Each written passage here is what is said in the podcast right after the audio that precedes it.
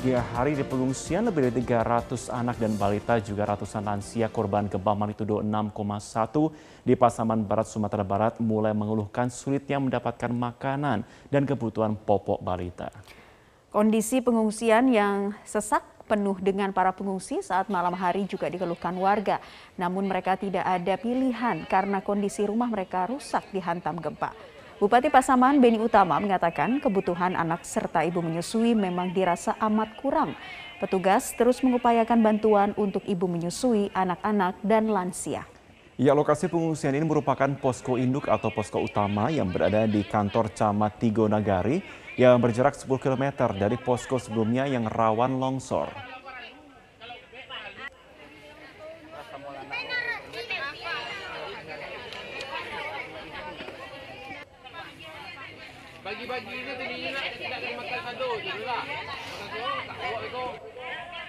Pemirsa banjir yang melanda kota Medan sejak tadi malam hingga Senin pagi belum juga surut.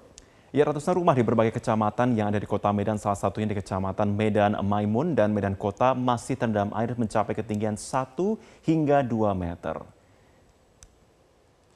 Kita simak pemirsa ratusan rumah yang berada di Kelurahan Seimati, Medan, Sumatera Utara masih terendam banjir setinggi 1 hingga 2 meter.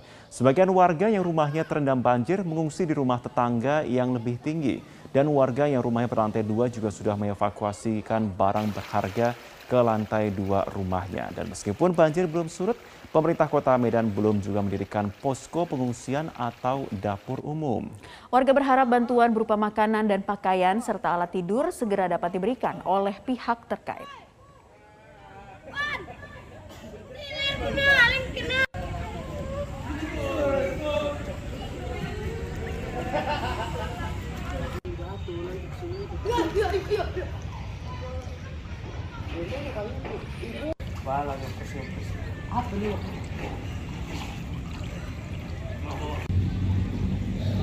Sementara itu pemirsa Satuan Brimopolda Sumut mengevakuasi seorang bayi yang terendam banjir, maksud kami terjebak banjir di Kelurahan Aur Kecamatan Medan Maimun, Kota Medan. Kompi 1A saat Brimopolda Sumut melakukan evakuasi SAR terhadap warga terdampak banjir di Jalan Brigjen Katamso, Medan, Sumatera Utara. Tugas menyisir seluruh gang yang terendam banjir. Petugas pun mengevakuasi bayi dengan sang ibu dari rumah mereka yang terkepung banjir. Brimopolda Sumut memastikan tidak ada korban jiwa dalam banjir tersebut dan Brimob juga akan membangun tenda darurat serta membuka dapur umum di sekitar lokasi banjir. Ya, dan Senin siang pemirsa ketinggian air pun mulai berangsur surut.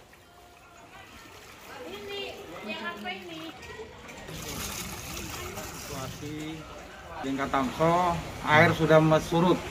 Masyarakat sudah ada yang mengungsi sebagian ada tinggal di dalam.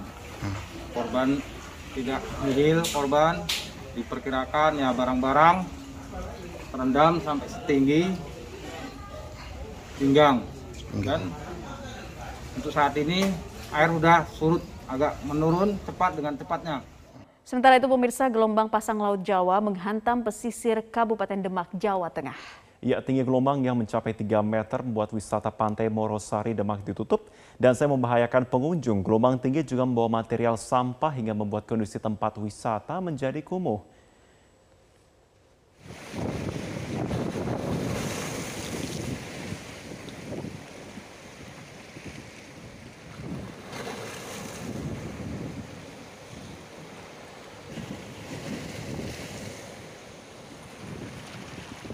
Ya pemirsa, inilah kondisi gelombang pasang Laut Jawa yang menghantam tempat wisata Pantai Morosari, Desa Bedono, Kecamatan Sayung, Demak, Jawa Tengah.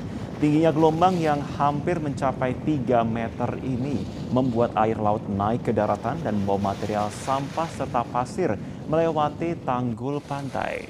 Menurut Agus Sutikno, salah seorang penjaga loket, ya, menuturkan gelombang tinggi Ya, kita melihat ya gelombang tinggi ini mulai muncul setelah angin kencang sejak minggu sore. Karena kondisinya membahayakan ya Naila ya. Ini juga membuat tempat wisata yang dikelola Perusda Kabupaten Demak ini ditutup lebih awal. Nah, sebelumnya BMKG Tanjung Emas Semarang telah mengeluarkan peringatan dini akan terjadi gelombang tinggi mencapai 2 meter lebih dengan kecepatan angin berkisar 5 hingga 20 knot.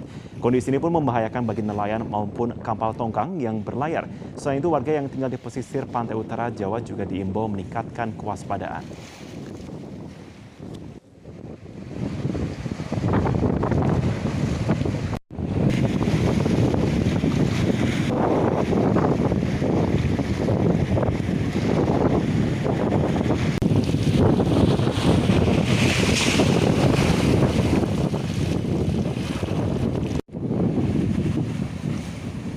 Sementara itu pemirsa bencana pergerakan tanah yang terjadi di Kabupaten Lebak, Banten semakin parah. Satu sekolah madrasah Sanawiyah bahkan amblas sedalam 15 meter. Ya, seperti inilah pemirsa kondisi terkini Madrasah Sanawiyah Arnibathiah yang berada di Desa Curug Panjang, Kecamatan Cikulur, Kabupaten Lebak, Banten yang terlihat material bangunan madrasah berada di jurang sedalam 15 meter. Ini terjadi pemirsa setelah tanah yang berada di belakang sekolah ambles akibat pergerakan eh, tanah.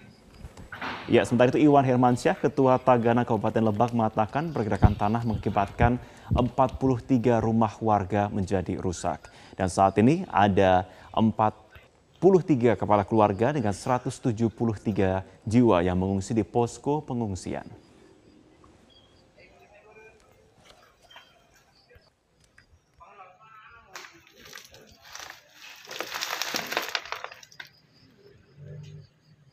Ya, pemirsa terkait kasus meninggalnya seorang tahanan saat berada di sel tahanan Polres Mamuju Tengah, Sulawesi Barat, pihak keluarga mendatangi Polres Mamuju untuk meminta penjelasan. Ya, pihak keluarga meminta Polres Mamuju Tengah mengusut tuntas kasus ini termasuk pemeriksaan 12 tahanan yang berada di sel yang sama dengan korban.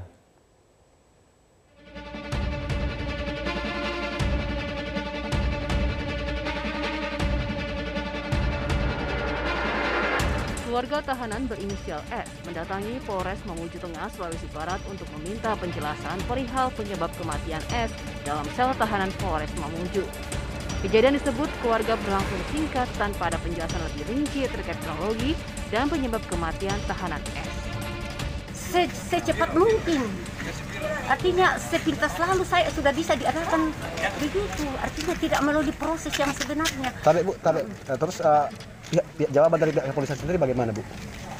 Itu pihak polisian mengatakan bahwa katanya terjadi di dalam sel tahanan.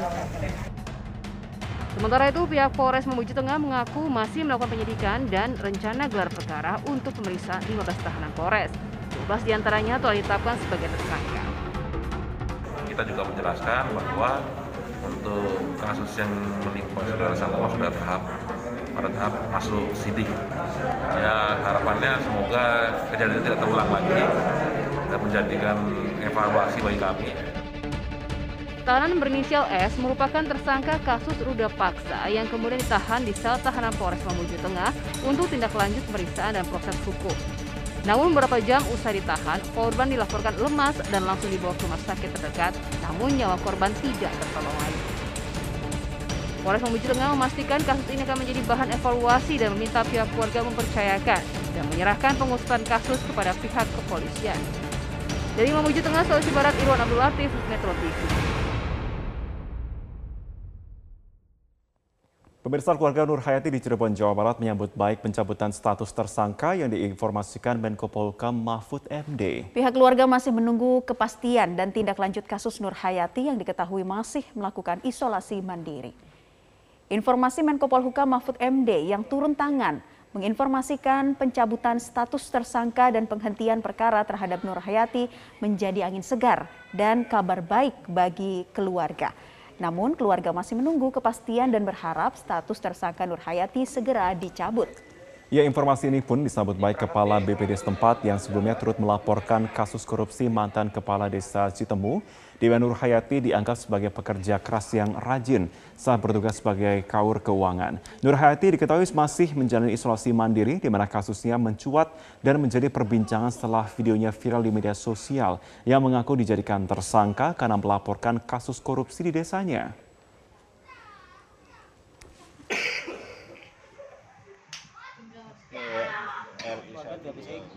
Senang gitu dengannya. Hmm, berharap secepatnya yang Berharap dicabut. secepatnya Apa secepatnya apa itu? dicabut atau eh, pencabutan itu dan terima eh, secara kertas itu kan. Hmm, Oke. Terus kondisi Ibu Nur sendiri gimana Kang? Kondisi Ibu Nur masih soman sampai Hmm. tanggal 2 Maret. Hmm, secara psikologis gimana dia dengan ada kasusnya? masih ya dengar eh, di kabar kasih kabar sama saya ya nangis gitu, sudah senang gitu nangis. Kita ke informasi lain, pemirsa seorang korban kecelakaan bus dan kereta api di Tulungagung, Jawa Timur terpaksa dirujuk ke Rumah Sakit Saiful Anwar, Malang. Sementara itu hingga kini masih terdapat 8 korban yang menjalani perawatan intensif di RSUD Dr. Iskak Tulung Agung. Sejumlah korban kecelakaan bus dan kereta api di Tulung Agung, Jawa Timur masih menjalani perawatan intensif di RSUD Dr. Iskak Tulung Agung. Kondisi korban sudah berangsur membaik dan sudah dipindahkan ke ruang perawatan. Ya sebelumnya mereka dirawat di ruang instalasi gawat darurat, bahkan salah satu korban masih balita. Diketahui total korban yang dibawa ke rumah sakit Iskak sebanyak 19 orang, namun satu korban harus dirujuk ke rumah sakit Saiful Anwar Malang. Sebanyak enam korban sudah diperbolehkan pulang dan delapan lain masih menjalani perawatan di RSUD Dr. Iskak. Biaya perawatan korban pun ditanggung sepenuhnya oleh pihak jasa Raharja. Dan sebelumnya pemirsa, sebuah kecelakaan antara bus pariwisata Harapan Jaya dan kereta api terjadi di perlintasan tanpa palang pintu di Desa Ketanon, Kecamatan Kedungwaru pada minggu pagi dan lima orang meninggal dunia dalam kejadian ini.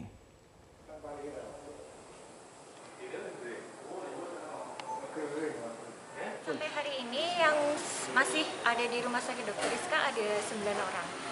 Jadi yang satu, oh 8 orang, mohon maaf, yang satu sudah dirujuk ke rumah sakit Malang, yang delapan menjalani perawatan di sini. Ada yang di ruang rawat inap biasa, ada yang di ICU. Semuanya sudah keluar dari IGD Mbak ini?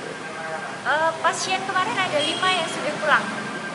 Kondisi stabil, memang ada yang masih ada di ruang perawatan intensif, jadi butuh penanganan yang lebih intens. Ada dua. Ada korban yang berusia anak Mbak? Ada korban anak di bawah lima tahun. Sekarang ada di ruang rawat inap anak. Di tengah pandemi COVID-19, pemirsa, hobi unik ternyata mulai bermunculan di masyarakat. Salah satunya memelihara kura-kura darat jenis sulcata. Tidak hanya memberi, mem, mem- tidak sekedar hobi, namun memelihara hewan tersebut bisa mendapatkan keuntungan juga ternyata. Memelihara kura-kura sulcata bisa menjadi hobi baru bagi sebagian masyarakat di tengah pandemi. Karena selain bentuk yang unik, juga bisa meraih keuntungan. Harga kisaran normal kura-kura tersebut berada di angka 1 juta, namun semakin besar ukurannya, harganya juga semakin tinggi. Jonathan selaku owner Sulcata Breeding Collection Surabaya memulai bisnis kura-kura sulcata ketika awal pandemi 2020. Ia membeli untuk menghilangkan rasa jenuh, namun malah menjadi kesenangan hingga saat ini. Keunikan dari kura-kura ini pemirsa mempunyai kotak-kotak di atas tempurung atau yang disebut dengan skuts. Di mana normalnya uh, sulcata memiliki 13 skuts, tapi ada juga yang 10 dan 16 skuts. Semakin banyak skuts juga mempengaruhi harga hewan yang berasal dari Afrika Selatan. Harga semakin meningkat jika warna unik dan ukuran juga semakin besar. Lantas bagaimana perawatan dan prospek bisnis kura-kura sulcata ini selengkapnya kita bergabung bersama dengan Jonathan Benindo, pemilik Sulcata Breeding Collection Surabaya. Pak Jonathan, ini kalau saya boleh konfirmasi, awalnya itu memulai berbisnis itu bagaimana berarti? Jadi awalnya ya waktu mulai pandemi ya, waktu mulai pandemi di 2020 karena banyak kegiatan di rumah, jadi kita eh, salah satu opsinya pilih hewan sulcata tortoise ini. Jadi satu selain rawatnya gampang, juga salah satu bentuk investasi ya karena semakin besar dia nilai harganya semakin mahal gitu Pak Martin. Oke, itu awalnya adopsi berapa? Itu awalnya kita beli waktu kecil, waktu kecil sizing 7 cm sampai 10 cm. Uh, lalu kebetulan saya suka, akhirnya kita coba beli yang agak besar, jadi mulai sizing 40 sampai 50 dan mulailah kita uh, mencoba untuk breeding ya. Jadi kebanyakan yang lalu masih impor. Nah, sekarang kita coba breeding, jadi supaya sesuai dengan uh, apa, komitmen dari Pak Jokowi pemerintah industrialisasi. Jadi konsepnya sama, membuka lapangan kerja kalau bisa kita CB Indonesia juga bisa kita lakukan di sini gitu, Pak Martin. Oke. Total ada berapa ekor berarti sekarang yang ada di breeding? Sementara ini untuk indukan saja kita ada kurang lebih di 25-an ya Pak ya. Jadi yang siap jadi induk juga nanti ada 15 sampai 20 lagi, itu kurang lebih. Oke, nah para pecinta kura-kura atau pecinta reptil pasti penasaran nih Pak Jonathan, kalau kita bicara soal harganya ya sulcata ini kan termasuk mahal juga. Apa sih yang membuat harga dari uh, jenis sulcata ini bisa lebih mahal? Satu uh, karena mungkin dari keunikan ya Pak Mar. Jadi keunikan sulcata ini dari skutnya, lalu juga uh, dia juga bisa bertelur dan menghasilkan. Dan terus yang ketiga dia secara umur juga panjang jadi mungkin bisa lebih panjang dari manusia. Itu umur bisa sampai uh, 80-100 tahun dan juga sizing bisa sampai 80 cm apa. Dan di mana sulcata ini semakin besar, tortoise ini nilai harganya juga semakin mahal. Itu jadi uh, nilai uniknya juga variatif ya, banyak juga di sana salah satunya. Oke, kalau perawatannya rewel nggak nih termasuknya? Nah, kalau perawatan kebetulan karena ini hewan darat, jadi eh, sangat cocok dengan Indonesia karena kan eh, suhu ya, suhu agak panas tropis. Nah, dia kebetulan asalnya dari Afrika loh, gurun. Jadi sangat cocok di sana. Kalau makanan sih nggak terlalu anu ya, eh, simpel aja karena hanya sayuran, lalu rumput-rumputan. Karena di Afrika pun dia termasuk tortoise yang liar juga bisa makan sesukanya sendiri betul jadi tidak terlalu ribet gitu kan. Oke, kalau saya tanya soal uh, biaya adopsinya itu berapa berarti dari yang masih kecil sampai yang udah besar berarti? Untuk range harga dari baby itu start di satu juta ya, Pak Mat. Jadi tergantung nanti itu yang normal. Kalau ada lagi yang nanti unik scoot, ada yang unik scoot, rare scoot itu harga bisa uh, hampir uh, kurang lebih 5 jutaan itu bang. Itu untuk range harga di Indonesia ya